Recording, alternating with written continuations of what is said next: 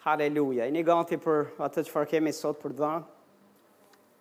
Tek e dyta e Korintasve, kapitulli 8, vargu 9, thotë ju e njihni hirin e Zotit tonë Jezus Krisht, i cili duke qenë i pasur u bë i varfër dhe nuk u bë i varfër për veten e vet, po u bë i varfër për ju. U bë i varfër për gjithë secilin prej nesh. Dhe ka një arsye pse u bë i varfër, dhe ky shkrim na e thotë arsyen pse, pse u bë për ne i varfër, për çfarë arsye, çfarë motivi. Motivi është thotë që ju të bëheni të pasur, ktheu nga e që ke anash dhe thuaj ai u bë i varfër, që ju të bëheni të pasur. Pastor e ka fjalën për gjëra frymore. Jo pastor nuk e ka fjalën për gjëra frymore, nuk kemi pse e nxjerrim jashtë kontekstit, sepse në kontekst e ka fjalën për pasuri dhe bollëk material, e ka fjalën për të ardhura, e ka fjalën për financa. Dhe ai thotë u bë i varfër që ju të bëheni të pasur me anë të varfërisë së tij. për shkak të asaj të varfrimit të tij dhe është duke u referuar ardhjes tij nga qielli dhe ardhjes tij në formë në trajtë njerëzore. Vetëm po të flasim për këtë veprim është mjaftushëm për të folur se ai u bë i varfër për ne, sepse la qiellin, la lavdinë, la pasuritë e qiellit, erdhi në trajtë njeriu dhe Bibla thotë edhe e përuli veten e vet deri në vdekjen e kryqit. Pastaj varfërimi i tij është jeta e tij në drurin e kryqit. Ai u bë mallkim për ne, duke u varur në drurin e kryqit, në mënyrë që gjithë ne të shpengohemi nga mallkimi i ligjit. Dhe në Testamentin e Vjetër, te Ligji i Përtërirë 28, kur i referohet mallkimit ligjit, një nga mallkimet është varfëria, skamja, mjerimi. dhe është duke folur për skamje dhe mjerim ekonomik, financiar, material. Jezusi u bë mallkim për ne, që ne të shpengohemi nga ky mallkim. Po pastor, a është i varfri i mallkuar? A mund t'i themi, nëse shohim një të varfër, t'i themi ik se ti je i mallkuar? Jo, nuk jemi duke e thënë këtë, dhe as nuk po themi këtë lloj këtë lloj Nuk jemi duke thënë që të ligjërojmë një lloj të folure a të menduari të tillë. Të varfrit janë të dashur në sytë e Zotit. Tek e dyta e Samuelit, fjala e Zotit e thotë qartësisht që Perëndia e nxjerr të mjerin nga pluhuri, e ngre të mjerin nga pluhuri, thotë, dhe e nxjerr të varfrin nga plerat e tij dhe e bën të ulet me princat e popullit vet. Natyra e Zotit është e tillë, zemra e Zotit është e tillë, Ai është pas të varfrit, është pas të mjerit. Dhe kur thot e ngre të mjerin nga pluhuri, do të thotë që i mjeri ka qenë kaq gjatë në pluhur sa e ka mbulu pluhuri. Do të thotë që ka gjatë në atë gjendje mjerane. Nuk është një fragment jete, nuk është një stinë e shkurtër jete, por është duke folur për kohë të gjatë. Zakonisht, në qoftë se ne lëmë një pajisje diku që ta zë pluri, dohet kohë apo jo? Edhe i mjeri ka qenë i mjerë me vite, me kohë, sa e ka zënë pluri, edhe Zoti ndërhyn dhe thotë e ngre të mjerin nga pluri, Të varfrin e nxjerr nga plerat dhe e bën t'ulet me princat e popullit të vet, që do të thotë i i i i restauron dinjitetin, i restauron statusin e tij ekonomik dhe e bën që të jetë mes gjithë tjerëve denjësisht duke pasur. Jezusi u bë i varfër dhe ky është lajmi i mirë që ne mësojmë në kishën Fjala e Gjallë. Ai u bë i varfër Për ne, që me anë të varfërisë së tij ne të pasurohemi. Po pastor, po si ka mundësi që njëherë ça do të thotë të jesh i varfër? Dhe çfarë do të thotë të jesh i pasur? Tek e, e dyta e Korintasve kapitulli 9, po bëj një përsëritje edhe gjërave që kemi mësuar deri tani. Kapitulli 9, vargu 8, besoj se e thot qartësisht për mua, dhe Perëndia thot mund të bëjë që gjithë hiri të teprojë për ju. Aq sa mbasi të keni gjithnjë mjaft në çdo gjë, t'ju teprojë për çfarëdo pune të mirë. Janë tre nivele ku njerëzit mund të jenë, në statusin material ekonomik, më pak se mjaftueshëm, mjaftueshëm, më shumë se mjaftueshëm. T'ju teprojë. Në qoftë se je më pak se mjaftueshëm dhe s'të del as për nevojat tua dhe nuk ke mjaftueshëm, atëherë je i varfër. Atëherë je në këtë stadin e varfërisë edhe mund të flasim se sa shkallë poshtë je për të qenë mjerani i shtrirë në pluhur. Më pak se mjaftushëm. Niveli i dytë është ti ke mjaftushëm veç për veten tënde. Veç për nevojat tua. Po është dhe një nivel i tretë, dhe niveli i tretë është që të teprojë gjithmonë, në çdo kohë, në çdo gjë, Jo veç një në një gja e dy tre gjëra, po në çdo gja, në gjithë gjatë gjithë kohës të teproj, të kesh mjaftueshëm dhe të teproj për çdo vepër të mirë. Kjo është jesh i pasur. Dhe te ky nivel Perëndia do kishën e vet. Te ky nivel do Perëndia gjithsecilin prej nesh. Perëndia nuk tregon anësi, nuk bën të pasur një individ dhe një tjetër e lë të varfër, sepse do të ishte i padrejtë. A do ishte e padrejtë? E di se sa herë akuzojmë Perëndinë për këtë veprim, se thonë Perëndia i ka nda gjërat padrejtësisht, s'janë ndarë drejtësisht këto gjëra në këtë botë. E keni dëgjuar këtë shprehje? Po më lini t'ju them se çfarë thotë apostulli Pal e çfarë thotë Shkrimi. Kapitulli nëntë i Dytës Korintasve, thotë vargu nëntë, thotë sikurse është shkruar. Thotë ai i ndau u ka dhënë të varfërve, drejtësia e tij mbetet në përjetësi, që do të thotë Perëndia ynë është i drejtë dhe drejtësia e tij mbetet në përjetësi. Dhe Perëndia nuk i ka ndarë të varfër dhe të pasur, Po Perëndia i do të gjithë pasur. Tani ka të varfër. Dhe ka cilët edhe do të shkojnë e do të shpenzojnë jetën e tyre në varfëri e në skamje deri në fund. Po ky nuk është plani dhe vullneti i Zotit. Jezusi vdiq në kryq për të na bërë të pasur. Për të na dhënë bollëk që jo vetëm të plotësojmë nevojat tona, po t'i plotësojmë në çdo moment Gjithmonë dhe gjithmonë dhe të na teprojë për çdo vepër të mirë.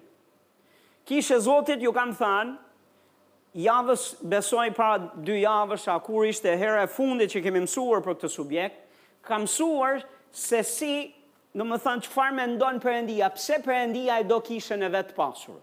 Dhe kam dhënë disa arsye biblike dhe do ju inkurajoja gjithsecilin prej jush Që të merrni, gjeni një mundësi ta merrni këtë predikim, ta dëgjoni përsëri e përsëri e përsëri, sepse besoj do të kuptosh që Perëndia është më i interesuar që ti të jesh i pasur se sa vetë ti.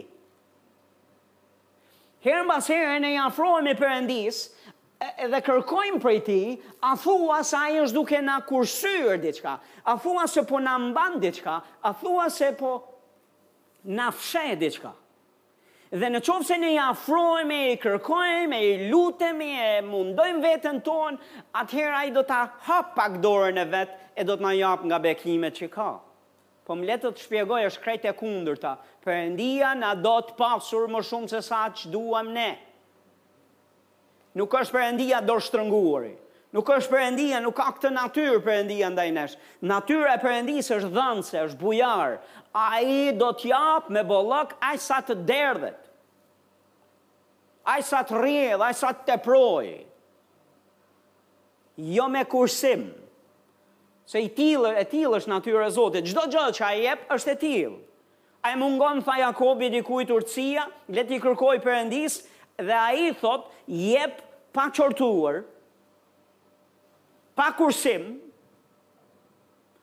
thotë, do t'ju japë, veç kërkojeni me besim. Dhe nëse e kërkon me besim, do ta marrësh. Do të marrësh urtësinë, sepse është natyra e Perëndisë. Çdo gjë që Ai jep, e jep me bollëk. Jezusi tha, Unë kam ardhur për t'ju dhënë jetë. Do të ishte mirë mjaftushëm nëse do thoshte veç kaq, po nuk thot veç kaq. Thot jet me bollëk. Jet me tepric. Bollëk me tepric. I tillë është Zoti ynë, e tillë është natyra e tij. Emri i tij nuk është nuk ka lidhje me kopracin. Ai është më shumë se mjaftushëm. Është më shumë se mjaftushëm, është emri i Zotit. Do flasim rrugës për këto, por Perëndia do që kisha e vet të jetë e pasur, ti të jesh i pasur. Oo pastor, po unë jam grua, po unë jam vajzë dhe zakonisht pasur bëhen burrat, sepse burri është i angazhuar me punë e me gjëra të tilla dhe ë sikur del atje mbas parase, del atje mbas edhe mundohet dhe kështu që Zoti do të jesh i pasur dhe e pasur. Nëse do bëhesh e pasur për shkak të burrit, apo do bëhesh e pasur për shkakun tënd dhe besimit tënd, për mua pak rëndësi ka, për mua më rëndësi ka që ti të jesh i pasur. Ti të jesh e pasur. Dhe nëse ndjek hapat biblik, nëse ndjekim rrugën e Zotit, Perëndia do të na bëj të pasur. Sepse ai është më i interesuar se sa që ne jemi të interesuar për të qenë të tillë. Sot dua të flas për disa gjëra që besoj do të jenë bekim, sepse ka një arsye kur mendon njeriu, hm, kur mendon, unë mendoj si pastor dhe them, ok, Jezusi vdiq në kryq, Jezusi u bë i varfër që ne të jemi të pasur. Lavdi Zotit për këtë mesazh. Haleluja e besoj me gjithë zemër. Po më rezulton që praktikisht në kishë nuk ka të pasur. Ose nëse ka, ka me gishta. Edhe nëse ka dhe ata, janë me, ata që janë me gishta, një pjesë e atyre që janë me gishta me i numru, fatkeqësisht nuk kanë karakter për t'i shërbyer Zotit. Dhe kjo është për të ardhur keq, sepse Perëndia e do kishën e vet të jetë e pasur, po nuk i beson dot pasurinë. Ai na do të pasur, por ne duhet të kualifikohemi, duhet të kemi ca kualitete që që e bëjmë Perëndinë që të derdhë dhe të na japë pasurinë e vet, të na japë bollokun e vet. Dhe për këto kualitete do të jem duke folur. Dhe kur të flas për këto për këto kualitete, ju lutem mos e çoni nëpër mend që të mendoni se ja është duke fol pastori që ju të, të meritoni bekimet e Zotit dhe pasurinë e Perëndisë. Jo, jo, është vepër e hirit. Jezusi vdiq në kryq, asnjëri prej nesh nuk e meriton. Por kualitetet për të cilat do jem duke folur na pozicionojnë ne aty ku bolloku i Zotit do të vijë mbi ty.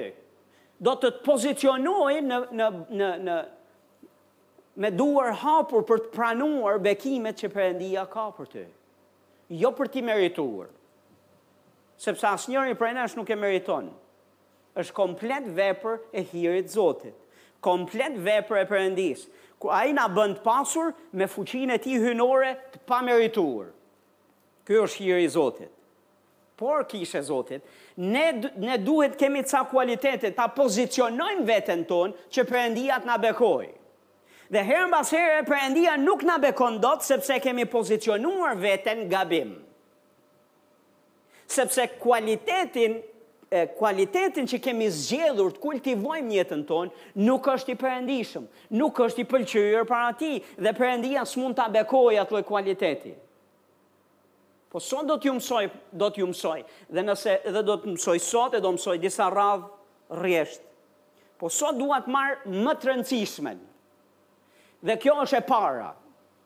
Dhe shumica e kishës këtu çalon. Shumica e besimtarëve çalojnë pikërisht te kjo pjesa këtu dhe për këtë arsye Perëndia nuk i bekon dot, nuk ju derdh dot bekimet e veta. Dhe dua të flas pikërisht për këtë gjë sot dhe shpresoj që ju ta kuptoni një herë e mirë Dhe të dini se ça jemi duke folur. Mateu gjashtë vargu njëzet e katër dhe Luka gjashtëmbëdhjetë vargu trembëdhjetë. Janë dy vargje të shkruara njëri nga Mateu, tjetri nga Luka që janë duke thanë të njëjtën gjë. Po unë do t'i lexoj të dy këto shkrime, sepse kur i lexon të dy këto shkrime do të shohësh Se përdor njëri disa fjalë që si përdor tjetri, po po t'i marrësh të dy vargjet bashkë do të shohim diçka që është me shumë me shumë vlerë. Nëse do marrim atë çfarë thuhet, do marrim një kuptim më të plotë, do marrim të dy pamjet dhe do marrim të plotë atë çfarë Jezusi është duke thënë. Mateu 6 vargu 24 shih se çfarë thotë. Askush thotë nuk mund t'u shërbejë dy zotrinjve, themi bashkë dy zotrinjve. Rregull, thotë askush nuk mund t'u shërbejë dy zotrinjve, thotë, sepse ose do të urrejë njërin dhe do të dojë tjetrin, le të themi bashkë, do të urrejë, do ta dojë. Në rregull, thotë ose do t'i qëndrojë besnik njërit dhe do të përçmojë tjetrin. Le të themi bashkë qëndrojë besnik. Do të përçmojë. Dhe Jezusi thotë, ju nuk mund t'i shërbeni Perëndisë dhe Mamonit. Le të themi bashkë, nuk mund t'i shërbeni. Nënvizojini këto fjalë që unë sapo përmenda tani, dhe edhe ju bëra që t'i thoni pas meje, që është fjala shërbim, që është fjala urrejtje, dashuri, besnikëri, përçmim, Nënvizojini këto fjalë. Luka gjashtëmbëdhjetë, vargu trembëdhjetë, shih se çfarë thotë Luka, thotë të njëjtat gjëra, por thotë një gjë që më pëlqen shumë në, në, në folurën e tij. Thotë, asnjë shërbëtor nuk mund t'u shërbejë dy zotërinjve, të njëjtën gjë. Ose do ta urrejë njërin dhe do të dojë tjetrin, ose do të lidhet me njërin. Shkru, nënvizoje këtë fjalën do të lidhet. Në rregull se kjo është një fjalë ekstra nga fjalët që lexuam tek vargu më lart. Thotë, do të lidhet me njërin dhe tjetrin do ta përbuzë. Dhe thotë, ju nuk mund t'i shërbeni Perëndisë edhe Mamonit. Në rregull, Jezusi është duke folur, thotë, ju nuk mund t'i shërbeni dy zotrinjve.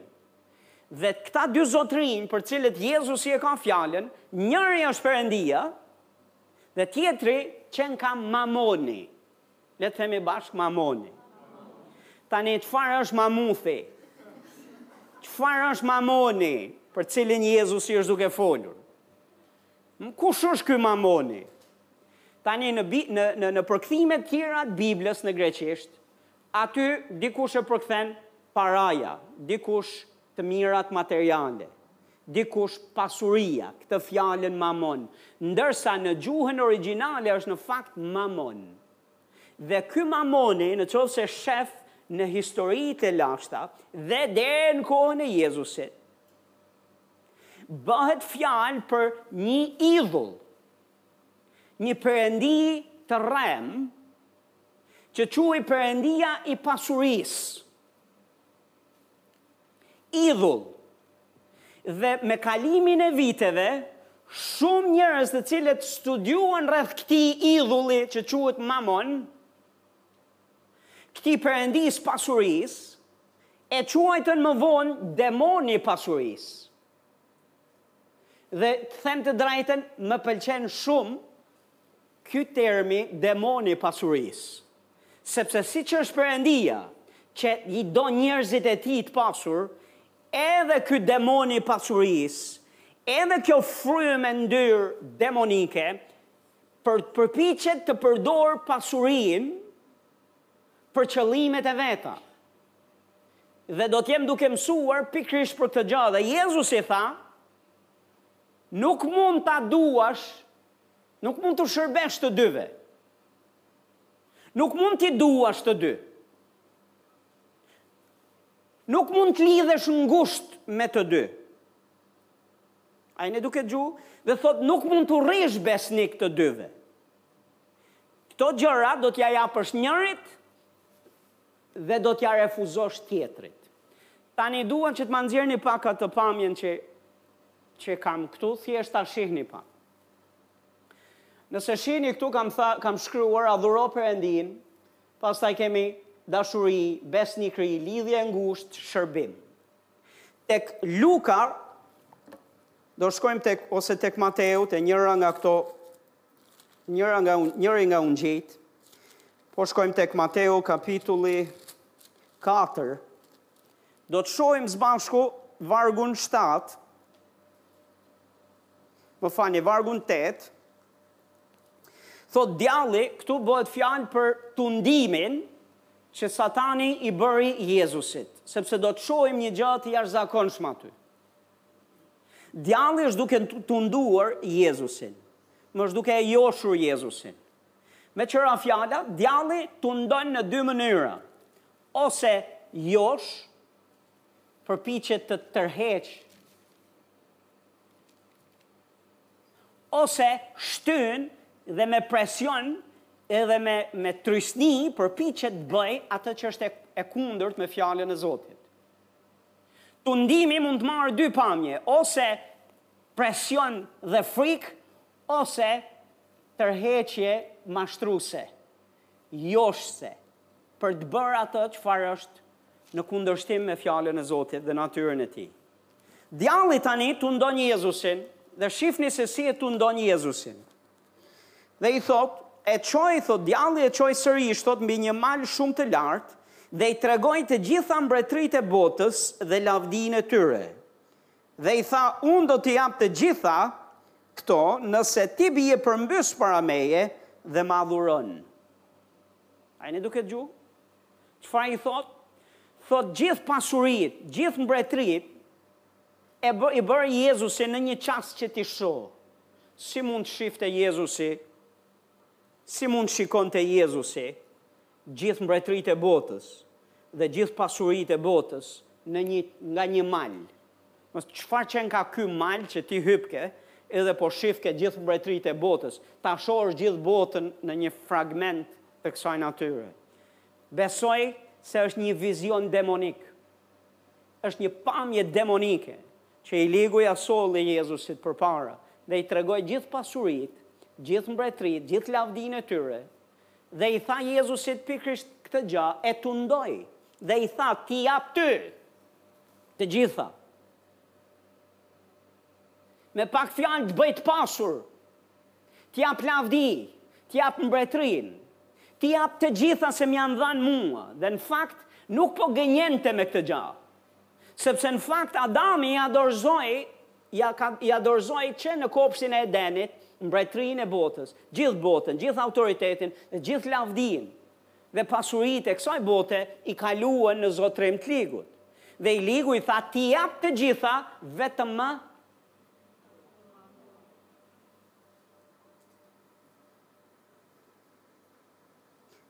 Bjer për, nëse ti bie përmbys një varë tjetër nëse ti gjunjëzohesh. Tani, si gjunjëzimi, si rënia përmbys janë shenjë dorëzimi, janë shenjë përulësie, janë shenjë që ti, janë shenjë adhurimi.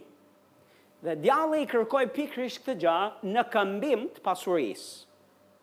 Tani djalli mendoni se ka ndryshu? Nuk ka ndryshu natyrë. Vazhdon të tundojë në të njëjtën mënyrë. Vazhdon të tundojë, por nuk tundon më Jezusin, po tundon besimtarin. Tundon ty, tundon mua. Na tundon, tundon kishën e Zotit. dhe tundon me pasuri. Po prit pak, Perëndia na do të pasur, tha e pastor. Po, Perëndia na do të pasur. Dhe nëse ndjekim mënyrën e rrugën e tij, ai do të na pasurojë. Por edhe i ligu ofron pasuri.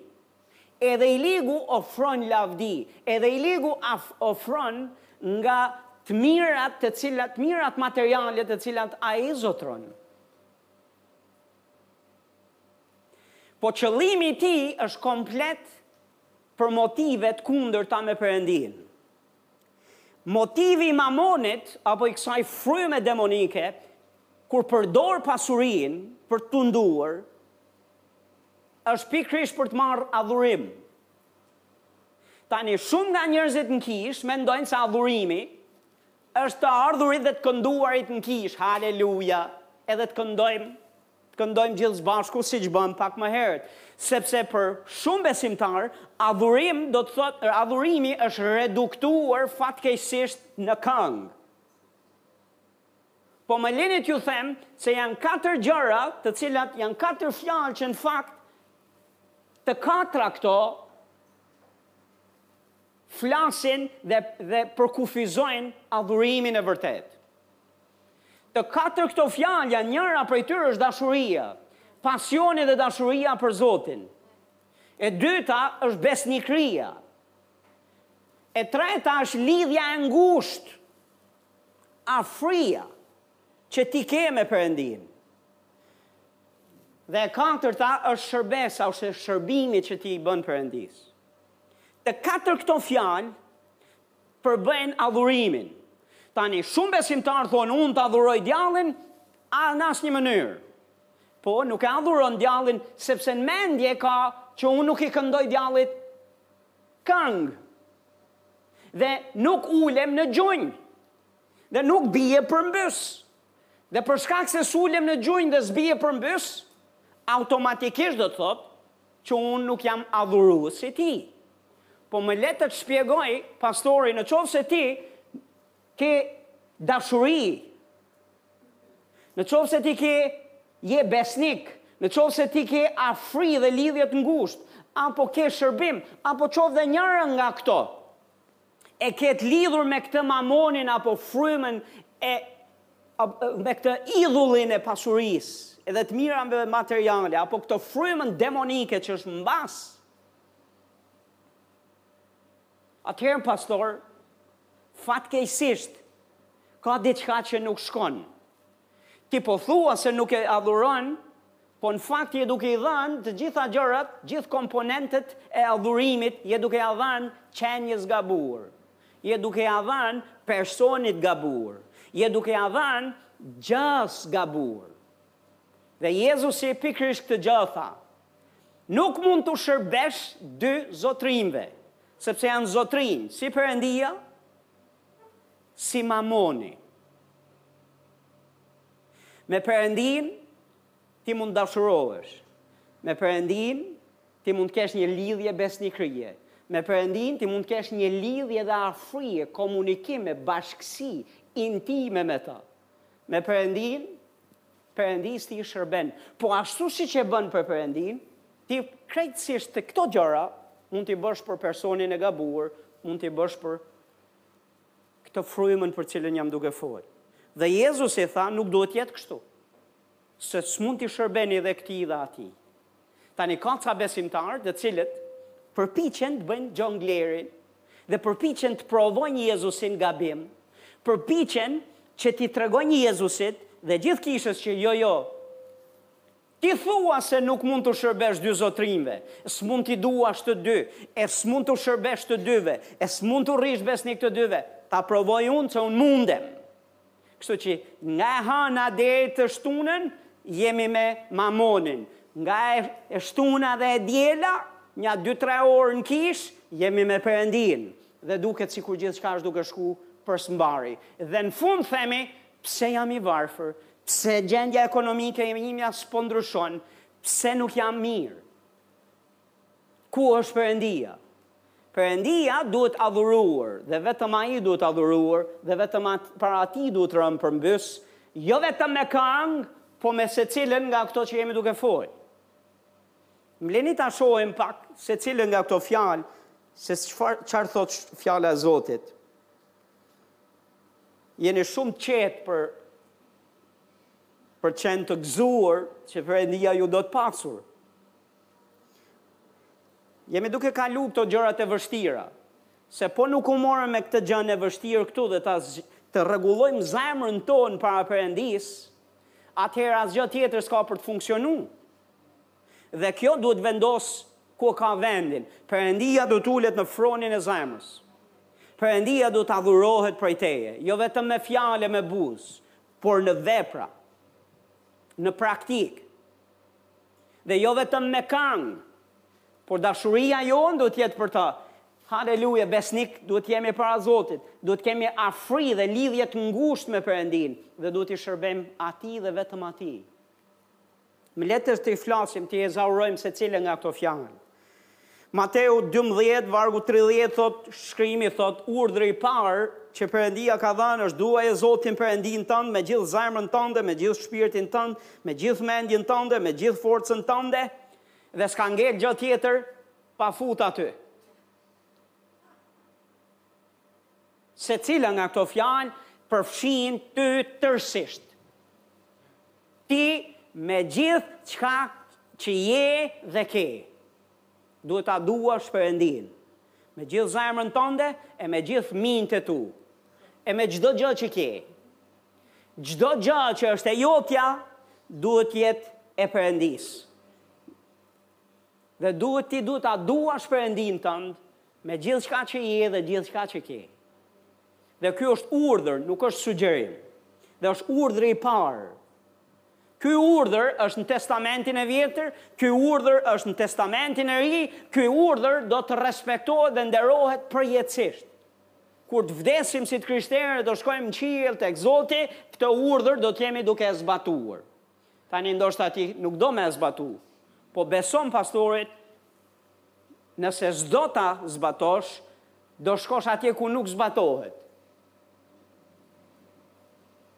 Po ky është urdhër, nuk është sugjerim, dhe e di që jetojmë në një botë dhe në një kohë ku jetojmë në, jetojmë në kohën e sugjerimeve, dhe dhe të lutjeve e të përgjërimeve, duam që Perëndia të vijë dhe të na lutet dhe të na përgjërohet aman e bindju kësaj fjalës, se mos të tingëllon si urdhër se na mërzitesh. Jo jo, Perëndia jep urdhër. Dhe urdhri i tij duhet zbatuar. Dhe njerëz të Zotit, ne duhet të mësojmë të zbatojmë urdhra. Fatkeqësisht kjo shoqëri është kaq e shthurur dhe është duke vuajtur dhe nëse sheh në thelb, ti do të gjesh se nuk ka nderim për autoritetin. Nuk ka kush respekt dhe nderim për urdhra. Po ka vetëm të lutem, aman, a mundesh, po deshe, Po s'të prishi punë. Më po nuk na, domethënë, po nuk... A mund ta bësh këtë gjënë këtu? Dhe nuk jam kundër të qenit i mirësjellshëm. Edhe Perëndia është shumë i mirësjellshëm që e jep këtë urdhër. Thotë, duaje Perëndinë me gjithë zemër, me gjithë shpirt, me gjithë forcën tënde, me gjithë mendjen tënde, dhe nuk shoh se ka ngel gjë tjetër. S'ka lënë gjë, asgjë jashtë. Dikush thotë amen. Në rregull. Nëse ti e do Perëndinë me gjithë mendje, me gjithë zemrën tënde e me gjithë shpirtin tënd, që do të thotë me emocionet e tua. A të flas pak për emocionet tuaja apo jo? Oh, pastor, nuk ndihem. Duaje Zotin me gjithë emocionet tua. Nuk du t'ia di si ndihesh. Jepi emocion Perëndisë. Kur ngre duar drejt Zotit, shpreh emocion. Shpreh dashuri. Zemër të dua. Ç'ke e moj? E di sa herë kam bërë këto? Dhe thotë me kë je, më thotë me kë je, me kë je aty kur them naj gjë të tillë. Pse kështu flasim ne? Sepse e di se është normale. Kur unë ty të them të dua, duhet të më shkëlqejnë sytë. Duhet të jem duke qesh, duhet të jem i gëzuar, duhet të shpreh emocion dhe duhet të po nuk e shpreh, ajo nuk e lexon. Shpreh ndaj Perëndisë. Është okay. S'po marr karrige se do ju Gjithë janë në adhurim, duke adhuru Zotin, ke ca që janë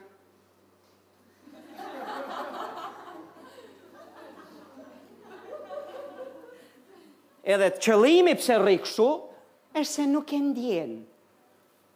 Prandaj është ai është urdhër, Duaje Perëndinë tënd me gjithë shpirt, me emocionet tua. Po i kam të hallakatme pastor. Mblidhi. Mblidhi pastor, mblidhi dhe jepja Zotit, sepse i takon atij nderimi edhe adhurimi.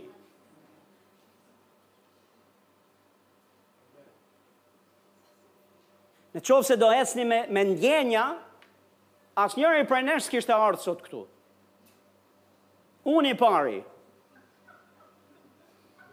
Po lavdi Zotit që i kemi mbledhur ndjenjat dhe kemi thënë, sot do të shkojmë në kishë.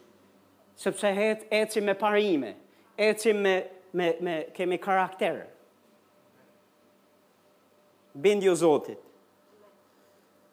Duaje Perëndinë. Mos duaj gjë tjetër përveç tij.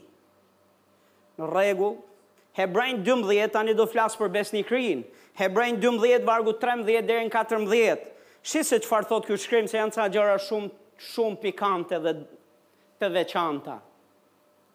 Thotë se mos ndodhet ndonjë kurvar ose profan si Esau, i cili thotë, dhe është duke i folë kishës, se mos ndodhet ndonjë kurvar ose profan e ka fjalën mesin tuaj, mes kishës, jo jashtë. Pastor, kjo fjala profan më pëlqeu, kjo fjala e parë nuk më tingëlloi dhe aq biblike.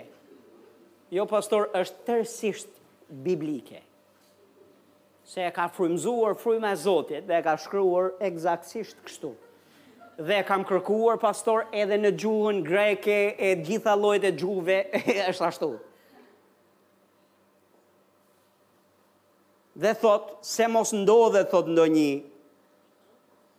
si Esau thotë i cili për një gjellë shiti të drejtën e tij të parëbirërisë. Sepse e dini se më pas kur ai deshi të trashëgojë bekimin iu refuzua, ndonëse kërkoi me lot, sepse nuk gjeti vend pendimi. Tani, herë mbas here njerëzit kur dëgjojnë fjalën kurvar mendojnë se do të thotë që të shkojë të jetë një djalë apo një vajzë që flenë me njëri-tjetrin, kryejnë marrëdhënie intime seksuale jashtëmartesore. Ëh, dhe kjo quhet kurvëri. Dhe në fakt është e tillë. Në qoftë se je duke fjetur me një njeri që nuk është burri yt apo gruaja jote, quhet kurvëri, pastor. E pamoralshme në sytë e Zotit. Dhe nëse je duke bërë, ndale. Pendohu para Zotit, shenjtrohu para Perëndisë, hyr nën gjakun e Jezusit, se pa hyrë nën gjakun e Jezusit dhe pa u penduar për këtë gjë, jeta jote nuk do të ketë mbarësi për shumë gjëra tjera. Dhe këtë s'po ta them pastori për të dënuar ty, as po ta them për të të përjashtuar ty, po jam duke të thënë që ti të përqafohesh dhe të përqafosh bekimin që Zoti ka për ty, për jetën tënde. Po, ajo është një pjesë. Por nuk është e gjitha këtu. Këtu, shkruesi i Hebrejve, e shkruan, thotë, Kurvar thotë si Esau, dhe unë kam lexuar në Bibël, në Testamentin e Vjetër, kur flasim për Esaun, dhe në asnjë vend nuk më rezulton që ai flinte me njerëz të huaj. Flinte me, me gra, e me vajza, e me radhë. Nuk flet këtë gjë. Në fakt, na thotë, Na thotë kurvar thotë dhe profan në fakt përkthimi tamam është i pabesë.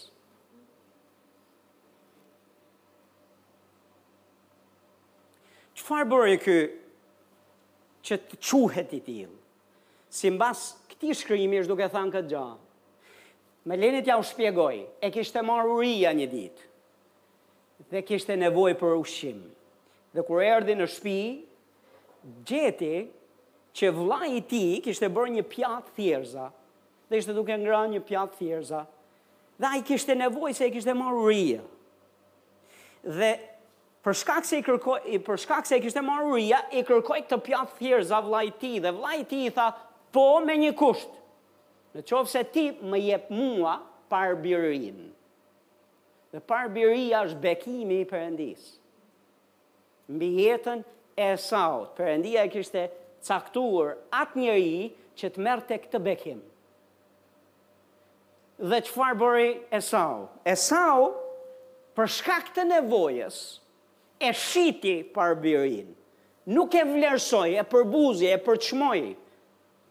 atë që ishte nga Perëndia, për të plotësuar një nevojë të tijën të përkohshme, për të ngopur barkun me një pjatë thjerrëza. Dhe Bibla na thotë këtë gjë, që kur u kujtua se ça kishte humbur, Erdhi me lot dhe pendesë para Zotit, thotë, por nuk u gjet vend, nuk gjeti vend pendimi, që do të thotë nuk u bë më s'pati kthim mbrapsht ma. Ky bekim që supozohej ta merrte ta merrte Esau i kaloi Jakobit. Dhe ndonëse ai qau e lotoi, e vajtoi Nuk nuk solli asnjë ndryshim. Dhe çfarë thotë hebrenjtë? Hebrenjtë thotë se mos ndodhet ndonjë në mesin tuaj si ai. Dhe është duke e thënë si lajm, si paralajmërim dhe është duke thënë sepse mund të humbasësh bekimet që Perëndia ka. Tani kush qe rreziku i tij? Kush është kjo gjëja këtu për cilën Bibla është duke folur? Është pabesia, u tregua i pabesë, nuk u tregua besnik. Besnik ndaj kuj, besnik ndaj Perëndisë. Dhe shiti dhe u tregua i pabesë, jo besnik për të mbushur, për të plotësuar një nevojë. Ne jemi thirrur të adhurojmë Perëndinë dhe t'i qëndrojmë atij besnikë. Çfarë do të thotë të jesh besnik para Perëndisë? Të jesh besnik para Perëndisë do të thotë se për nderim ndaj Perëndisë ti refuzon të bësh të keqen, edhe pse përkohësisht mund të përfitosh. Edhe pse përkohësisht ti mund të zgjidhësh një nevojë a një dëshirë. Ti refuzon sepse ke aq nderim për Perëndinë, saqë ti refuzon për të bërë atë që s'i pëlqen Perëndisë. Gjë të cilën Esau e bëri. Ai bëri krejt të keqen në sytë e Perëndisë për të plotësuar një nevojë. A jeni këtu? T'i qëndrosh Perëndisë besnik do të thotë do të thotë që edhe kur je në nevojë, Je i shtrënguar nga gjitha anët. A, apo edhe i joshur për të plotësuar ndonjë dëshirë, në kundërshtim me vullnetin e fjalën e Zotit ti refuzon ta bësh sepse e do Zotin aq shumë sa nuk do të bësh një gjë që s'i pëlqen atij. Për këtë arsye Jezusi i tha shporru satan prej meje. Se është shkruar, Adhuro Zotin dhe shërbeji vetëm Atij. Ka shumë pak besimtarë që thonë këtë gjën, Shporru prej meje Satan, se është shkruar, Adhuro Perëndinë dhe shërbeji veç Atij. Ka shumë pak, dhe kjo është arsyeja pse nuk beko, bekimi i Zotit nuk ze vend. Nuk ze vend në jetën e besimtarëve. Pse? Sepse janë kur janë në nevojë, E shes për një pjatë supë, për një pjatë thjerza. Në fund fundit, në majë t'malit, kush e pa Jezusin, kush po e shihte Jezusin, se nuk ishte askush, veç Jezusi dhe i ligu. Në fund fundit, hajt ma po ulem pak, se nuk po sheh njeri. Jo, jo, jo, jo, jo, Jezusi tha është shkruar, Sepse e dinte se sytë e Perëndisë ishin mbi të. Dhe ai nuk do e bënte kurrë atë çfarë është e pabesë, e pandershme përpara syve të Zotit, për të plotësuar një nevojë apo për të plotësuar një dëshirë. Për të plotësuar një nevojë apo për të plotësuar një dëshirë. Thashë për të plotësuar një nevojë apo për të plotësuar një dëshirë. Tani më dëgjoni pak me vëmendje. Besnikëri ndaj Zotit, nëse je besnik ndaj Zotit, në kohë nevoje apo në kohë kur je i tërhequr pas dëshirave dhe ti refuzon të bësh të keqen që është në sytë e Zotit, Perëndia do të ta bekojë jetën fort. Nuk ke humbur gjë, ke humbur përkohësisht, por Perëndia do të të sjellë bekimet e tij, mund të të besojë ty, sepse je besnik në karakter, je besnik në natyrë. Këtë duhet zhvillojmë. Duhet zhvillojmë besnikërinë. Në rregull, tani të flasim për lidhjen e ngushtë. E para e Gjonit një tre thot, atë që pamë dhe dëgjuam ne po jua shpallim thot, që edhe ju të keni bashkësi me ne dhe bashkësia jonë thot është me Atin dhe Birin Jezus Krishtin. Ati, Biri dhe Fryma e Shenjtë janë është Perëndi, është person. Dhe ne kemi marrëdhënie. Marrje dhe dhënie, kemi bashkësi, kemi afri, kemi lidhje me, me, me Perëndinë e gjallë. Kemi komunikim me Perëndinë e gjallë. Dhe shkrimi na thot, atë që dëgjuam dhe pamë, po jua shpallim që dhe ju të keni bashkësi me ne, dhe kur thot keni ju bashkësi me ne, ka fjalën të keni bashkësi me ne, po dhe me ata me të cilët ne kemi bashkësi, me Atin dhe Birin. Po të shihni te Hebrenjtë, Bibla na thotë, ju, ju jeni afruar, po jeni afruar dikujt.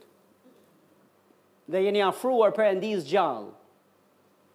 Nuk jemi afruar një idhulli, po jemi afruar Perëndisë gjallë, i cili duhet nderuar, i cili duhet adhuruar, duhet respektuar, dhe me cilin ne duhet jemi të lidhur ngusht me ta. Ligji i Përtërirë 10 vargu 20 thotë do të kesh frikë nga Zoti Perëndia yt. Dhe kur thotë të kesh frikë nuk është duke thënë të jesh i tmerruar ndaj prej tij, po të kesh nderim ndaj tij. Thotë do të kesh frikë nga Zoti Perëndia yt, do t'i shërbesh atij dhe do të jesh lidhur ngushtë me ta dhe të betohesh me emrin e tij. Mateu pesëmbëdhjetë vargu tetë, Jezusi tha, Ky popull po më afrohet me gojë dhe më nderon, nderon me buzë, por zemra e tyre thotë rri larg meje. Perëndia do një afri të vërtetë. Nuk do afri veç me buzë. Kang haleluja. Jo ai do përtej kësaj. Ai do lidhjen e zemrës. Dhe nëse zemra jonë është gjetiu diku tjetër, Nëse zemra jonë është gjetiu diku tjetër dhe nuk është me, në atë çfarë jemi duke i dhanë nga buzët tona, për, Perëndi, për Perëndinë kjo është e pa, e papranueshme. Dhe Perëndia jonë është në gjendje të shohë përtej buzëve. Amen. Dhe ai është interesuar të jemi të lidhur ngushtë me ta. Të kemi bashkësi reale të vërtetë me ta. Dhe bashkësi ke me dikë me cilin ti rri dhe shpenzon kohë. Praktikisht njeri i Zotit, nëse ti nuk rri me Zotin dhe nuk ke një kohë personale me të, më le të ta them, ti nuk ke bashkësi me Zotin. Ça je tu thanë o pastor? Jam duke thanë këtë gjë o pastor. Në qoftë se ti shkon në punë, vjen nga puna, sheh telenovela, mbaron telenovela, fle gjumë, shkon në punë, del merresh me qejfet tua, mbaron punët e qejfet tua, vjen në shtëpi, ha bukë, fle gjumë, rri me familjen tënde, ti ke bashkësi me familjen tënde, ti ke bashkësi me kolegët e punës, ti nuk ke bashkësi me Perëndinë. Se me Perëndinë duhet të marrësh kohë Dhe të rrish me të. Ku ti i flet Perëndisë dhe ai të flet ty. Ku ti dëgjon Perëndinë dhe ai të dëgjon ty. Kur ti ulesh dhe merr nga ushqimi që ai ka për ty çdo ditë. Bukën e përditshme e ha ti çdo ditë. Siç ha bukën tënde fizike, ha edhe ushqimin që Zoti ka për ty. O pastor, po rëndësi ka që unë të bëj shërbesë për Zotin. Jam duke shkuar në kishë. E jam duke bërë shërbesa për Zotin. Zoti do ty një herë, pastaj do shërbesat tona. Perëndia na do ne, pastaj do shërbesën tonë. Bibla na flet për dy motrat Martën dhe Marinë. Jezusi u shkoi në shtëpi dhe u ftua nga nga Marta në fakt. Që duket që Marta është Është nga ato që i thotë Zot praninë tënde Zot duam e duam praninë tënde në kishë e duam Zot mbushe këtë vend me prezencën tënde dhe Jezusi e mbushi me prezencën e vet i shkoi në shtëpi po kur i shkoi në shtëpi Jezusi filloi të flasë, po kur Jezusi filloi të flasë, të predikojë, të mësojë, ajo po merrej duke la enët dhe duke u marrë me punët e shtëpisë dhe mendja e saj ishte gjetiu. Ndërsa Maria bëri atë që ishte më e mira, thotë u ul tek këmbët e Jezusit dhe dëgjoi. Marie bravo. Haleluja. Maria u ul tek këmbët e Jezusit dhe dëgjoi Jezusin të mësonte dhe të fliste. Marta kur e pa këtë gjë dhe tha, vetë e ftoi në shpi, Dhe e injoroi totalisht. Në fakt, dikush mund të thotë, s'po e injoronte, po gatuante për t'i dhënë Jezusit për t'i shërbyer. Dhe në fakt, ok, po përpiqej të bënte shërbesë gjëra për Jezusin. Por Jezusi, kur erdhi puna për këtë lloj shërbese, edhe të dëgjuarit Atij, Ai e vuri më me rëndësi, dha më rëndësi të dëgjuarit Jezusit dhe të ulurit e të ndenjurit me Të, se sa t'i bëje bukë dhe t'i sillje në tavolinë. Se sa të shërbeje për t'i shërbyer Jezusit, më shumë deshi që të ulesh dhe të rrish me Të. I tillë është Zoti. I tillë është Zoti. Me zoti nuk na ka njipërdorimsha ju kam thanë qind herë perëndia nuk na ka ne për të na përdorur dhe mbasi të na përdor na hedh tutje jemi fmijt e tij knaqësia dhe shërbimi i tij është rrim me ta t'i flasim të dëgjojmë t'i hidhemi në qafë e jo vetëm t'i afrohemi veç kur jemi në nevojë në hall dikush thot Lidhje të ngushtë me Zotin. Dhe gjëja tjetër është t'i shërbesh Perëndisë. Eksodi 23 vargu 25 thotë shërbejini Zotit Perëndisë tuaj, thotë dhe ai do ta bekojë bukën tënde dhe ujin tënd dhe do të largojë smundjet nga ti. Sa prej jush doni që të keni këtë lloj bekimi në familje? Bukën, ujin, që do thotë ushqimet, edhe të largojë smundjet prej teje.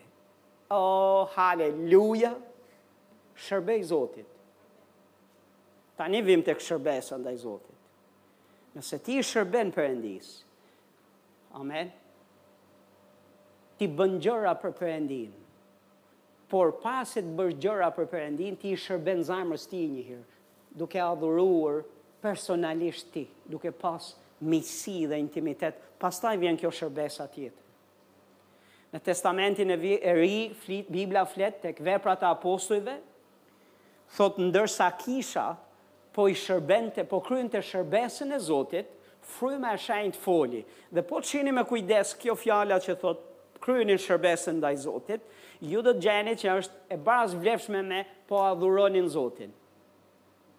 Është duke adhuru Zotin. Thotë dhe fryma e Zotit foli. Perëndisë i pëlqen adhurimi. I pëlqejnë dhe kangët. Po pastor i pëlqejnë dhe kangët. Se kur thashë e kemi reduktu adhurimin vetëm tek kangët, nuk po thoja që tani s'duhet të këndojmë më. Se ka edhe nga ata të cilët nuk këndojnë se s'dinë. Nuk këndojnë se i dëgjojnë të tjerët edhe ndoshta nuk u pëlqen zëri atyre se si u tingllon zëri këtyre që këndojnë Zotit. Po ngjo të të mësoj një gjë pastori. Ti nuk je duke kënduar për ata. Je duke kënduar për atë. Dhe atij i pëlqen zëri jot. Edhe në qoftë se s'ke mbaru për kanto, është okej. Okay.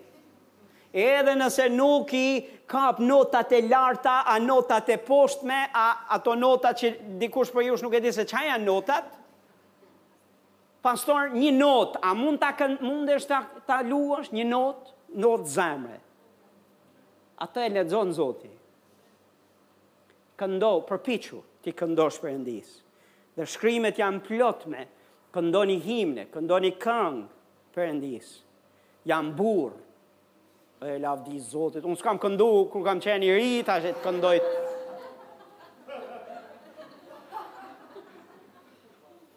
Pastor, përpara Zotit, po nuk u bëre fmi.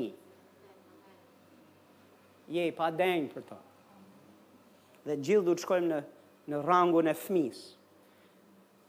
Dhe, dhe, dhe t'jemi, t'jemi aq të dashuruar pas tij. Dhe të ma, Të dashuruar marrëzisht mbas tij. Sa mos duam t'ia dimë për moshën, për dinjitetet tona. O, Zoti na bekoftë për sa dinjitet kemi. Hmm, shumë dinjitet. Po kemi ardhë në kohën, mbaj mend në 91-shin, 2-shin, 3-shin, 4-shin, në ato vitet e para, kur ishte mjerimi e varfria në kulm, Në atë periudhë kohe kur u hap besimi, e mbaj mend që shkonim në një kishë. Dhe në atë kishë ishte lavdia e Zotit. Po shkonim në një kinema, që ishte kinema që mbas dite, mbasi mbaronim ne, kishte filma imoralë që vinin të gjithë, kush vinin ato imoralët e, e lagjes, dhe do shihnin dhe zbaviteshin, paradite e kishte kisha. Dhe ne kisha kur shkonim aty, kishte pluhur një herë se ishte ishte një një një një një s'i pastronte kush as karrige, nuk pastronte kush as atë çimenton apo ku ishte ku ishte tokën. Dhe kisha ishte aq e zjarrtë sa lavdronim Zotin së bashku me gjithë shpirt hidheshim përpjetë, këndonim Zotin, lavdronim Zotin me gjithë zemër. Nuk e harroj ato vite. Dhe Re kishte aty brenda. Besomni, nuk ishte reja e lavdisë Zotit, ishte re pluhuri. Dhe pa egzagerim, kur vy, dilnin njerëzit përpara për, ma, për të marrë lutja ata që e mbajnë mend atë periudhë kohe. Oh, haleluja! Kur thoshte shërbyesi i Zotit, Dilni merrni mrekullinë tuaj, nuk dilnin njerëzit çoheshin avash avash. Të rregullojmë pak kollaret. A është pastër aty ku do shkoj unë?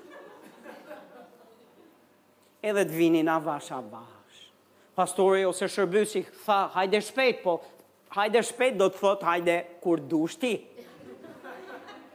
Edhe hajde si dush ti. Jo njerëz Zotit kur vinim, vinin me vrap. E sa mrekulli t'i mbaj mend që kanë ndodhur në atë kohë dhe shumë prej këtyre mrekullive kanë shterruar. E dini pse? Sepse ka shterruar, sepse një pjesë e njerëzve janë bërë me dinjitet. Kanë këtë dinjitetin. Kupton, kanë këtë dinjitetin dhe kur vjen puna për të ardhur në prezencën e Zotit, për të marrë nga Zoti, vijnë avash avash në mënyrë që edhe Perëndia të impresionohet dhe të thotë, "Wow, çfarë ecje skenike." Wow, ecje skenike. Hajt mos u mërzit se po të presim. Avash avash. Ke mos u mërzit, mos mos e prish terezinë avash avash. Po po shumë, prandaj shumë kanë sot. Shumë nuk marrin asgjë dhe në atë kohë unë i mbaj mend që të verbërve u hapeshin sytë, shurdhët dëgjonin, të çalët hidheshin përpjetë, merrnin bekimin e mrekullinë e Zotit. Se nuk pyesnin se ku do të ulen në gjunjë, se nuk pyesnin se ku do binin përmbys. Binin përmbys në pluhur dhe kur çoheshin duhej që t'i çoje në lavazh, duhet shkonim në lavazh për, për larje. Ama ishin shëruar. Më mirë që të bësh një lavazh te lavazhi i makinës, po i shëruar dhe me mrekulli nga Zoti, sesa t'jesh i, i parfumosur, i hekurosur, dhe gjithë dinjitet. si fëmijë para Zotit. Kur të themi të ngremë duart, të ngrejmë duhur. Kur të themi të adhurojmë, të adhurojmë. Kur të themi të lavdërojmë Zotin, të shprehim lavdërimin ndaj Zotit dhe t'i shërbejmë atij. Dhe po, pastor, mos e ndërro asgjë me thirrjen e lartë që Zoti ka mbi ju. Disa prej jush e dini që ju ka thirrë Zoti. Mos e shitni për një pjatë supë. Mos e shitni për një punë më shumë. për një një një për një benefit më shumë, për një përfitim të përkohshëm, mos. I ligu do adhurimin, kjo është, kjo është ajo çfarë ai kërkon përfundimisht. Po nëse atë nuk ia jep, ai do të përpiqet dhe mua më rezulton që shumë herë bën që të çalojmë në dashuri për Zotin. Vë në diskutim besnikërinë ndaj Zotit. Kjo është arsyeja pse disa prej jush nuk vini në kishë. Dakord?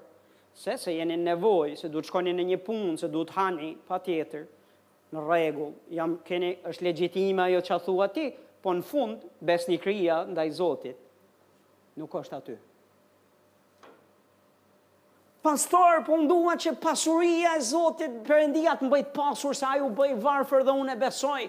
U bë i varfër që unë të jem i pasur. Po, po, shto besnikërinë.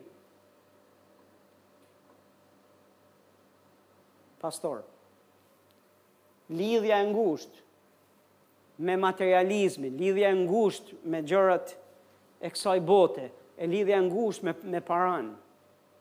Jo, paraja është material, paraja është instrument të cilin ne duhet ta përdorim për t'i shërbyer Perëndisë. Dhe jo t'i shërbejmë paras me Perëndinë. Se nuk ndodh kështu.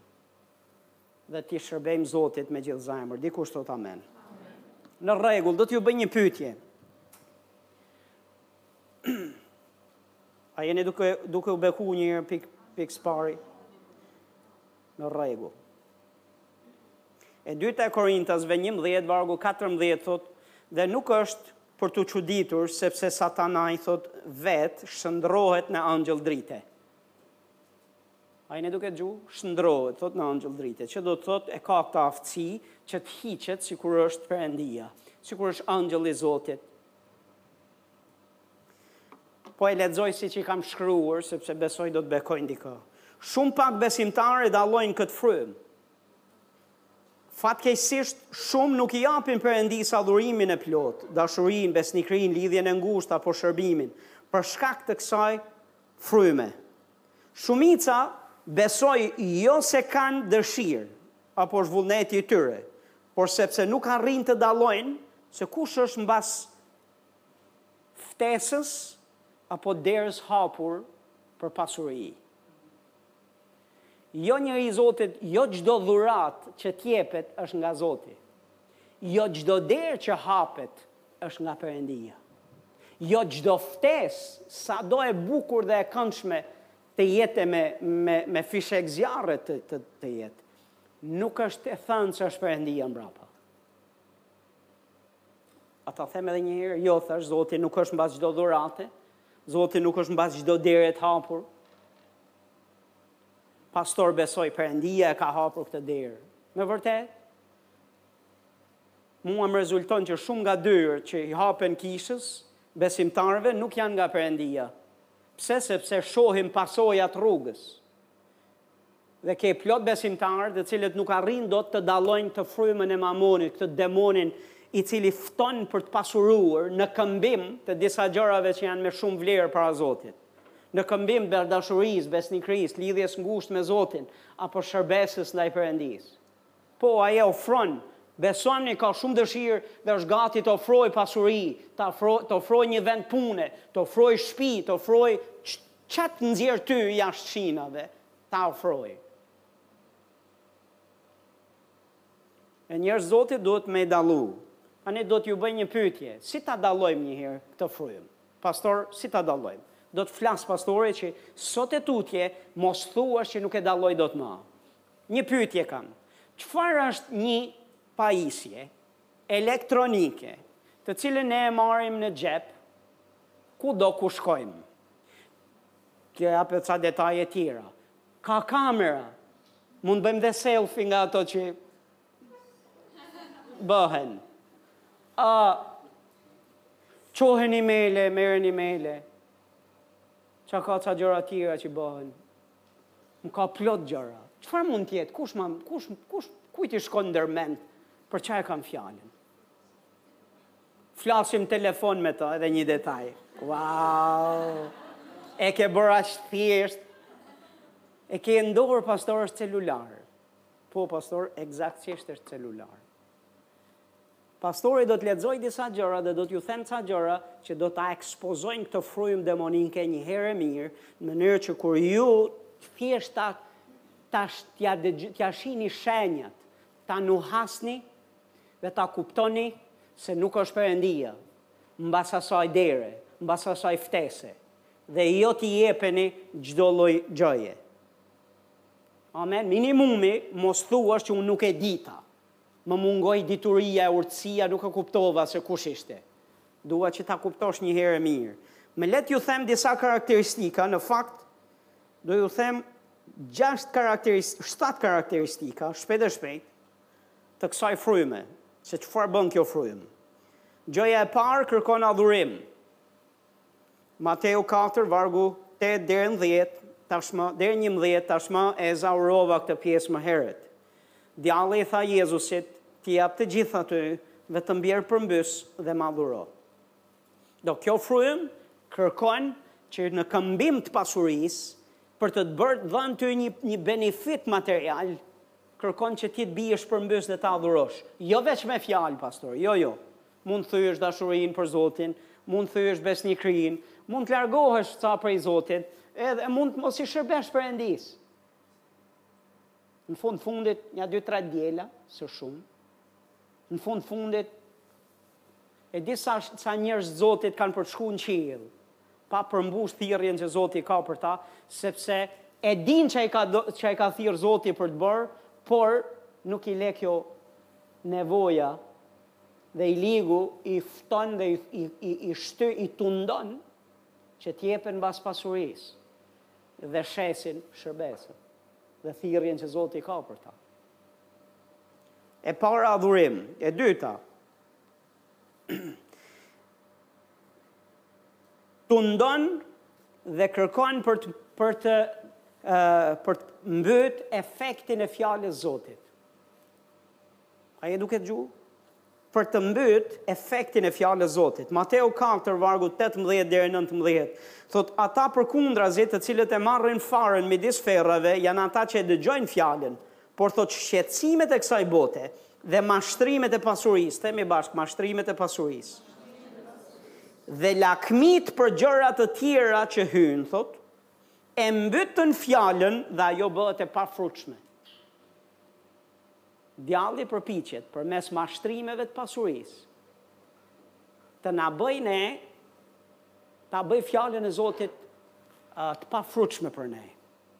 Po si e bën ai të pafrutshme? Më lini pak t'ju them. Fjala e Zotit thot nëse ti shkon në këtë drejtim, në drejtimin e Zotit për cilin do jem duke mësuar, Perëndia do të të bëjë të pasur. I ligu vjen dhe thotë, Ka pasuri, bjeri shkurt. Mos e ndiq atë rrugë. Bëj kompromis me fjalën e Zotit. Bëj këtë gjënë tjetër dhe ti do të kesh bollëk. Dhe ti do të pasurohesh. Dhe edhe të pasuron, pastor. Në kurriz të fjalës Zotit, vetëm që fjala e Zotit, mos jap efekt. Kjo është kjo frymë. Dhe është gati që të bëjë ty të kompromentosh me fjalën e Zotit. Po pastor, mos e bëj këtë gjallë.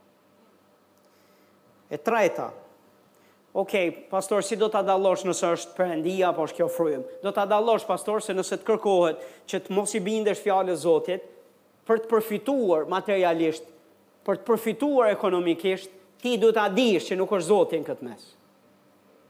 A është e qartë? E treta, të tundon për t'u larguar nga besimi.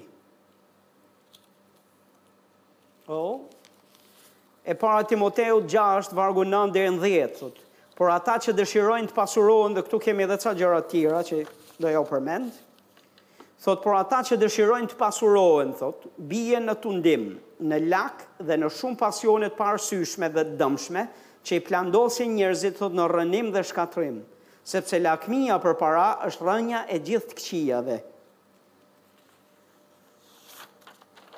A jeni duke dëgjuar apo jo? Thotë dhe duke lakmuar atë fort, thotë disa u larguan nga besimi. Dhe depërtuan veten e tyre, thotë, në shumë dhimbje.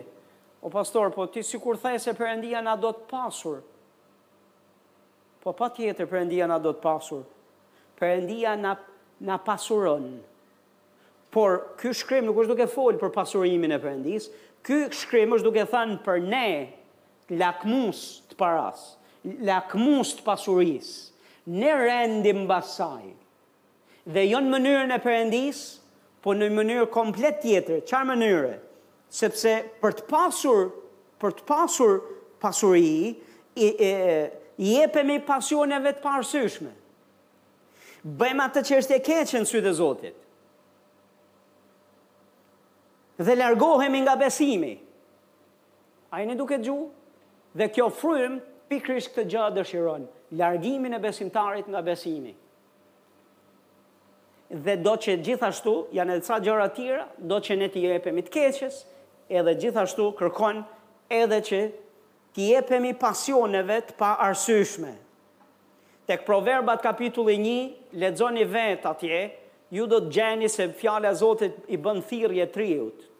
të rinjve, që rendin edhe për të derdhur gjak vetëm për të vrarë, vetëm që të pasurohen, dhe i thotë ta ndalosh hapin, dhe i bën thirrje pikërisht për këtë gjë. Ky është një një pasion i paarsyeshëm. Apo është i arsyeshëm?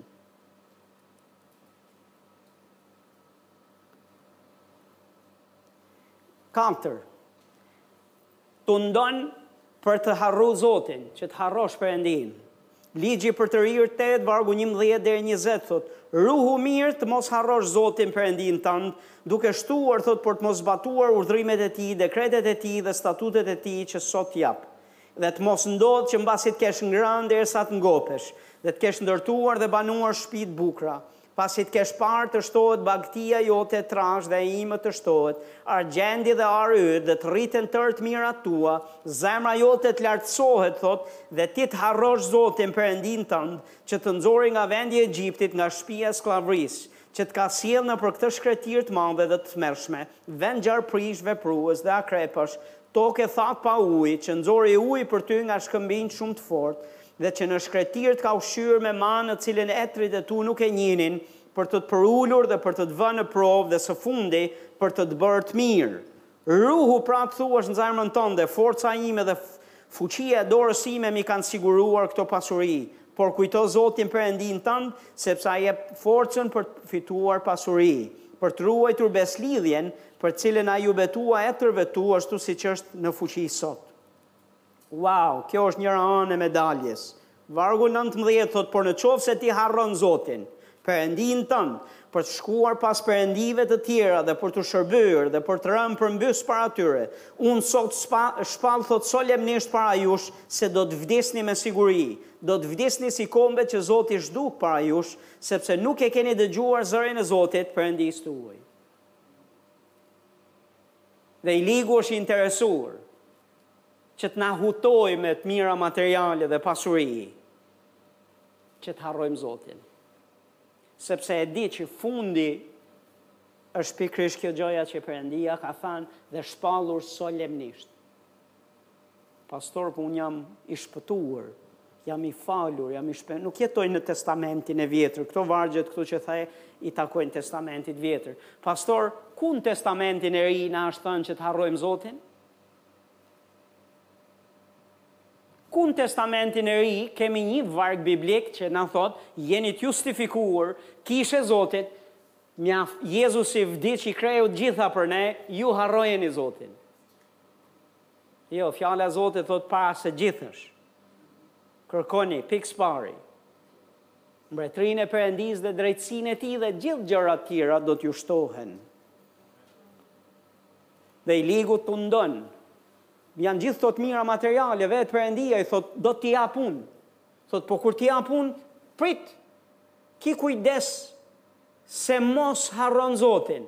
Se mos thua se ti i fitove me forcën e krahut tënd dhe harron se kush t'i ka dhënë.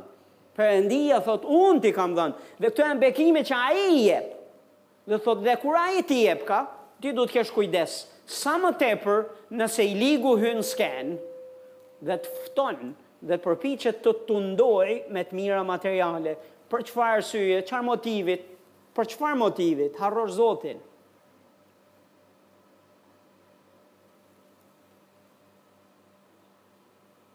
M'është hap një derë pune, pastor.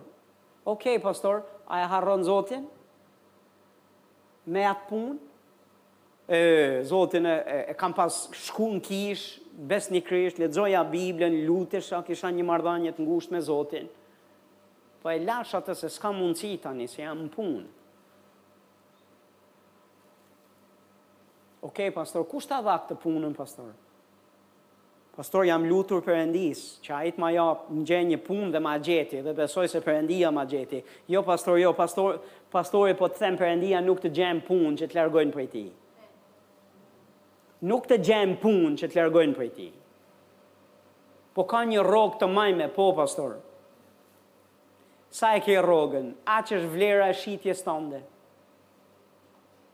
kaq vlerë ke kaq e ke shit veten tande Dhe në qoftë se do ta lësh, besomë do të të propozohet edhe rritje rroge, vetëm të rrish aty dhe të largohesh nga Zoti dhe të harrosh Zotin. Po pastor mos e lër Zotin, sepse ai të jep pasuri dhe dhe ti edhe rri i lidhur me të. Dikush thotë amen. Shpejt e shpejt se dhe 10 pika s'kemi ma. E para Timoteut 6:17. I ligu përpiqet të ushqejë krenari dhe varësi te pasuria.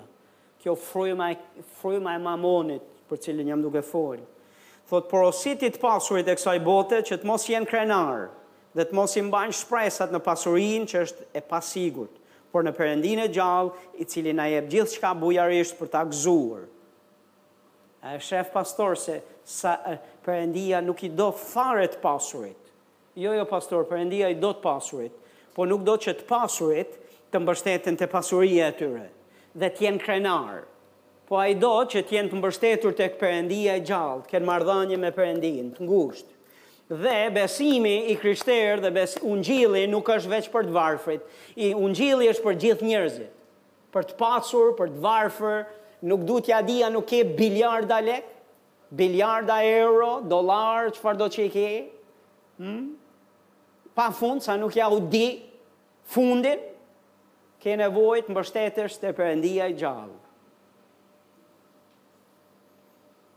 Dhe i ligu është pas ushqimit krenarisë dhe varësisë te çdo gjo tjetër përveçse tek Zoti dhe në mënyrë të veçantë te pasuria për cilën jemi duke fol tani. E pesta, Kjo është shumë e rëndësishme. E sata, e gjashta, në rregull, bravo. E pas keni mendje, një pas kam këtu. E gjashta është uh, kjo frymë e keqe na do të jemi ankus dhe të pakënaqur kurrë. Ankus dhe të pakënaqur kurrë. Do t'jua lexoj këtë varg dhe do t'ju jap një sqarim që besoj do t'ju bekojë. Dy e para e Timoteut gjashtë, vargu gjashtë deri në tetë, Perëndishmëria është një mjet që sjell dobi të madhe, kur njeriu, thotë, kënaqet me aq sa ka. Sepse ne nuk kemi asgja me vete në këtë botë. Dhe është e qartë se prej saj nuk do të marrim gja me vete.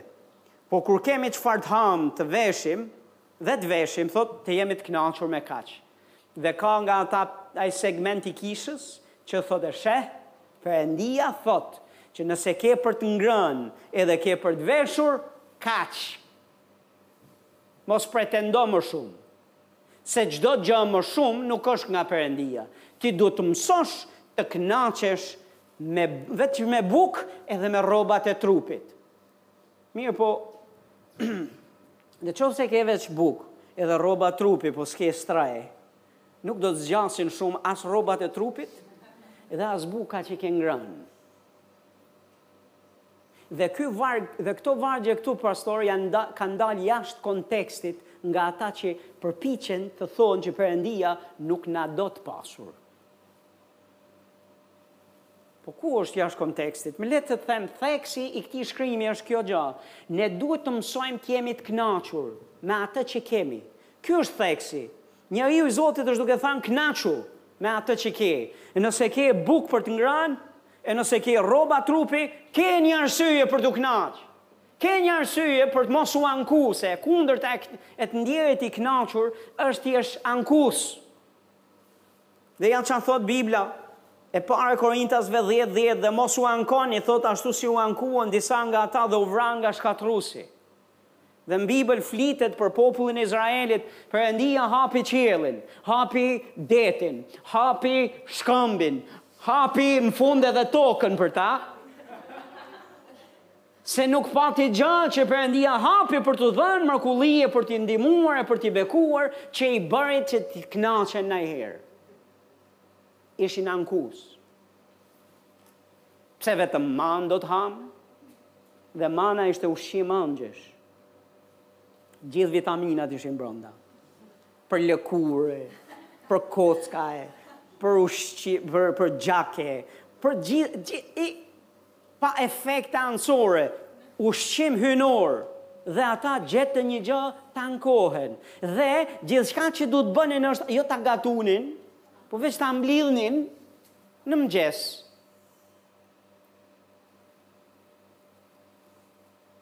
Uji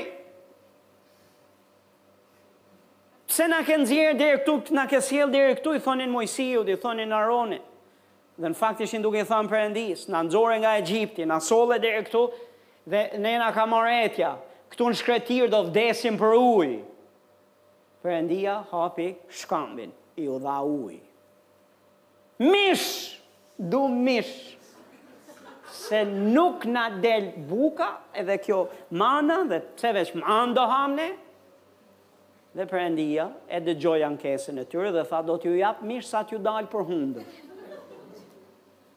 Dhe për një muaj rresht, Bibla thotë, bëri që të frynte një erë e furishme, të vinin shkurtza që zotrin veç mund të dilnin nga qadra dhe t'i mblidhnin dhe të hanin mish dhe hangën thot sa iu doli për hundësh.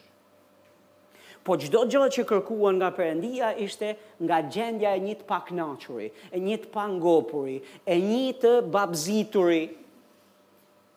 Dhe Perëndia nuk e do këtë lloj zemre të kultivuar tek fëmijët e tij.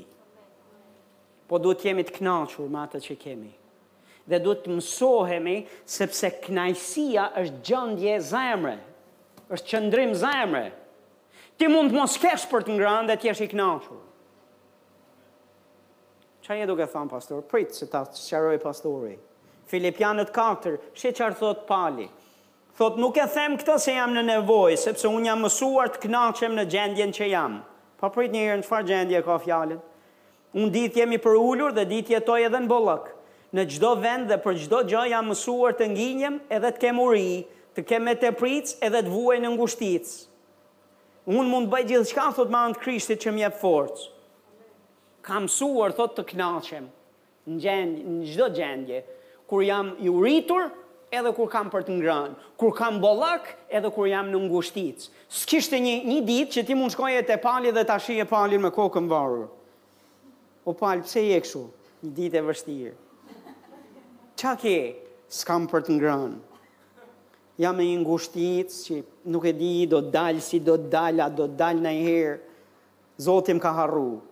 Jo s'kishte naj ditë që ti e gjeje Palin në këtë gjendje, po thot kam mësuar që të jem i knaqur. që ti shkoje te Pali, me pak fjalë është duke thënë që ti mund të kaloje nga Pali dhe s'e merrje vesh a është në ngushticë, a është i ngopur. A e ka barkun bosh, a e ka barkun plot. Sepse ishte i kënaqur dhe nuk e bënte sa për sy e faqe, po ishte mirënjohës para Zotit. Dhe ne duhet të kemi këtë gjendje para tij. Dhe i ligu ka shumë dëshirë të kultivojë në ne ankesën, murmuritjen. Pse? Sepse nëse e bëjmë, dalim në territorin e tij, ku na akomodon ai. A jeni këtu? Hajt se mbaruam, edhe shtatë pika kemi. Pika e shtatë, të nxit të pasurohesh për veten dhe jo për Perëndinë. Këtë po jua shkurtoj e perifrazoj vetë për hir të kohës. Luka 12, Bibla na flet për një koprrac, i cili Po i prodhonin arat shumë. Dhe për shkak se po i prodhonin arat shumë bollëk, tha, çfarë të bëj? Tha do hap, do marr kosha, do bëj hambare plot, thotë dhe do i mbush ato plot dhe pastaj thotë do të ha, do të pi, do të fle, thotë dhe do i them shpirtit tim thotë shpirt, ti ke pasuri të shumta të shtëna për shumë vjet. Pusho, ha, pi dhe gëzo. Por Perëndia i tha, thotë, O i pamend, po atë natë shpirtin tënd do ta kërkojnë dhe po atë që përgatite të kujt do të jenë? Kështu i ndodh atij, thotë, që grumbullon thesare për vete dhe nuk është i pasur ndaj Perëndisë. Tani, ka një segment i kishës që thonë Perëndia është kundër mbledhjeve dhe është kundër kursimeve. Jo nuk është kundër kursimit dhe mbledhjes. Po këtu theksi është të jesh i pasur për Perëndinë a të jesh i pasur për vete. Perëndia do të jesh i pasur për Perëndinë dhe nëse je i pasur për Perëndinë do të jesh dhe për vete. Po ku është ndryshimi, si e dalloj unë jam për vete a jam për Zotin? Në qoftë se Perëndia do të bëj një pyetje test të thjeshtë, nëse Perëndia të kërkon ty të japësh diçka a ia jep? Apo do i thosh është e imja? Nëse është e jotja, do të thotë e ke për vete atë pasuri. Dhe në qoftë se e ke bërë kopracinë, dhe je bërë koprrac, dhe e ke bërë është natyra jote, do humbësh dhe shpirtin tënd pastaj. Është thjesht çështje kohe. Jo veç pasurinë, po dhe shpirtin tënd. Dhe Perëndia na do na japë dhe do t'ju mësoj radhës tjetër, Ai i jep dhe pasuron jo gjithkënd, po pasuron bujarin, dhënësin, mbjellësin, ata ka për ta pasuru Zoti. Ndërsa koprracin absolutisht jo. Cili është fundi dhe rezultati i këtij predikimi? po dhe i efekteve të kësaj fryme nëse e lemë dhe i dorëzohemi. Më lini t'jua them pastori, fundi është pakënaqësi, është dhimbje, shkatërrim dhe vdekje. Këto janë rezultatet e fundit. Në qoftë se ndjekim këtë lloj fryme. Më lejoni që t'jua lexoj. E para Timoteut gjashtë shtatëmbëdhjetë, Porositi thotë pasurit e kësaj bote, të mos jenë krenarë dhe të mos i mbajnë shpresat te pasuria, që është e pasigurt. Por te Perëndia i gjallë, thotë, i cili na jep gjithçka bujarisht për ta gëzuar. Më Zoti na e do për ta gëzuar, ndërsa i ligu do që mos ta gëzojmë, mos ta gëzojmë. Para Timoteut gjashtë, nëntë dhjetë, Por ata që dëshirojnë të pasurohen bien në tundim, në lak, në kurth dhe në shumë pasione të paarsyeshme, të dëmshme, që i plandosin njerëzit në rrënim dhe shkatërrim. A është e qartë? Dhe po e le këtu, s'po lexoj më, më tutje. A është Zoti i mirë? Tashti, në qoftë se ti thua tani pastor, unë nuk dua të jem i pasur ma. Mbas gjithë këtij predikimi që ti fole, ma mirë bukë Dhe rroba trupi. Dhe do të rri i kënaqur. Sesa me gjithë këto kërkesa dhe kualitete që u dashkan për të qenë i pasur. Jo pastor, jo. Çfarë kërkova pastori është Adhuro Perëndinë dhe shërbej veç Atij. Çfarë mësova pastori është dashurinë mos e jep materializmit, po dashurinë e pasionin tënd jepja Perëndisë. Dhe kur vjen puna për besnikërinë, mos e thyej për një pjatë për një pjatë thjerza. Mos e thyej veç për një të mirë e benefit material e për një pasuri a një rrogë më shumë. Mos dil jashtë fjalës Zotit Edhe ta thyejsh fjalën e Zotit dhe marrëdhënien që ke me Perëndinë për një pjatë supë. Këtë është duke mësu pastori. Jam duke thanë lidhje të ngushtë me Zotin. Lidhu me Perëndinë, mos e harro. Kalo kohë me të. Shpenzo kohë, dedikoja zemrën e jetën tënde. Praktikisht rri me të çdo ditë. Dëgjoje, ulu te këmbët e tij dhe dëgjoje. E lëre të të mësojë e të të edukojë për rrugën nëpër cilën duhet të ecish. Sepse ai do të të bëjë ty të pasur dhe shërbej Zotit. Amen. Dhe ça të mësova tjetër pastori, të mësova pastori gjithashtu që ajo fryma demonike i ligu e përdor pasurinë për të mashtruar besimtarët. Për t'i nxjerrë jashtë besimi, për të harru Zotin, për t'u bërë krenarë, për t'u mbështetë tek pasuria që është e pasigurt që nuk mban, i mashtron për për t'u për t'ushqyer pasionet e paarsyeshme. Që të bëhemi kopracë. Pse? Për çfarë qëllimi? Që të kompromentojmë me fjalën e Zotit. Cili është qëllimi? Të vjedhë, vrasë dhe shkatërrojë në fund të rrënojë jetën tonë. Dhe unë lutem që asnjëri prej nesh mos ia japë veten. Amo pastor, mos u bëj ai xhongleri që përpiqesh, që përpiqesh të provosh Perëndinë dhe për Jezusin dhe fjalën e tij se e ka gabim. Kur ai tha nuk mund ta duash dhe Perëndinë dhe Mamonin, nuk mundesh. Mos u lodh. Kur ai tha që s'mund t'u shërbesh të dyve, mos u lodh. Kur ai tha s'mund të lidhesh me të dy, mos u lodh. Mos e provo, sepse ai e ka thënë dhe kjo gjë është e provuar tashmë. Le të ngrihemi në këmbë. Haleluja. Është Zoti i mirë. Është i mirë gjatë gjithë kohës. Haleluja. Po Zoti të do të pasur. Po të do të pasur për për veten e tij. për lavdinë e tij.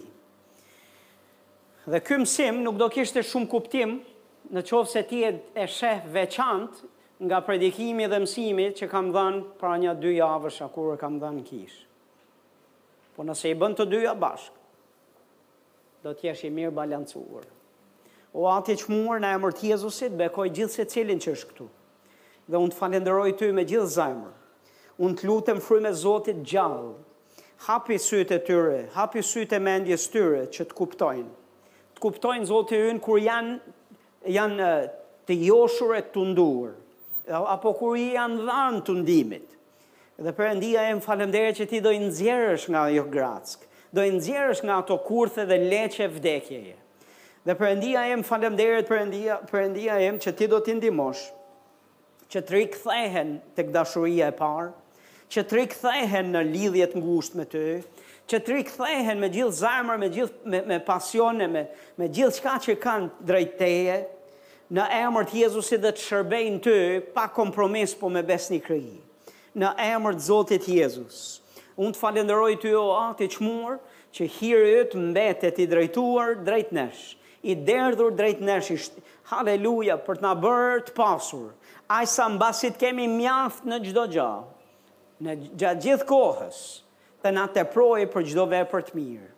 Beko At kishën, bekoji gjithë secilin prej tyre, në emër të Zotit Jezus, dhe gjithë themi?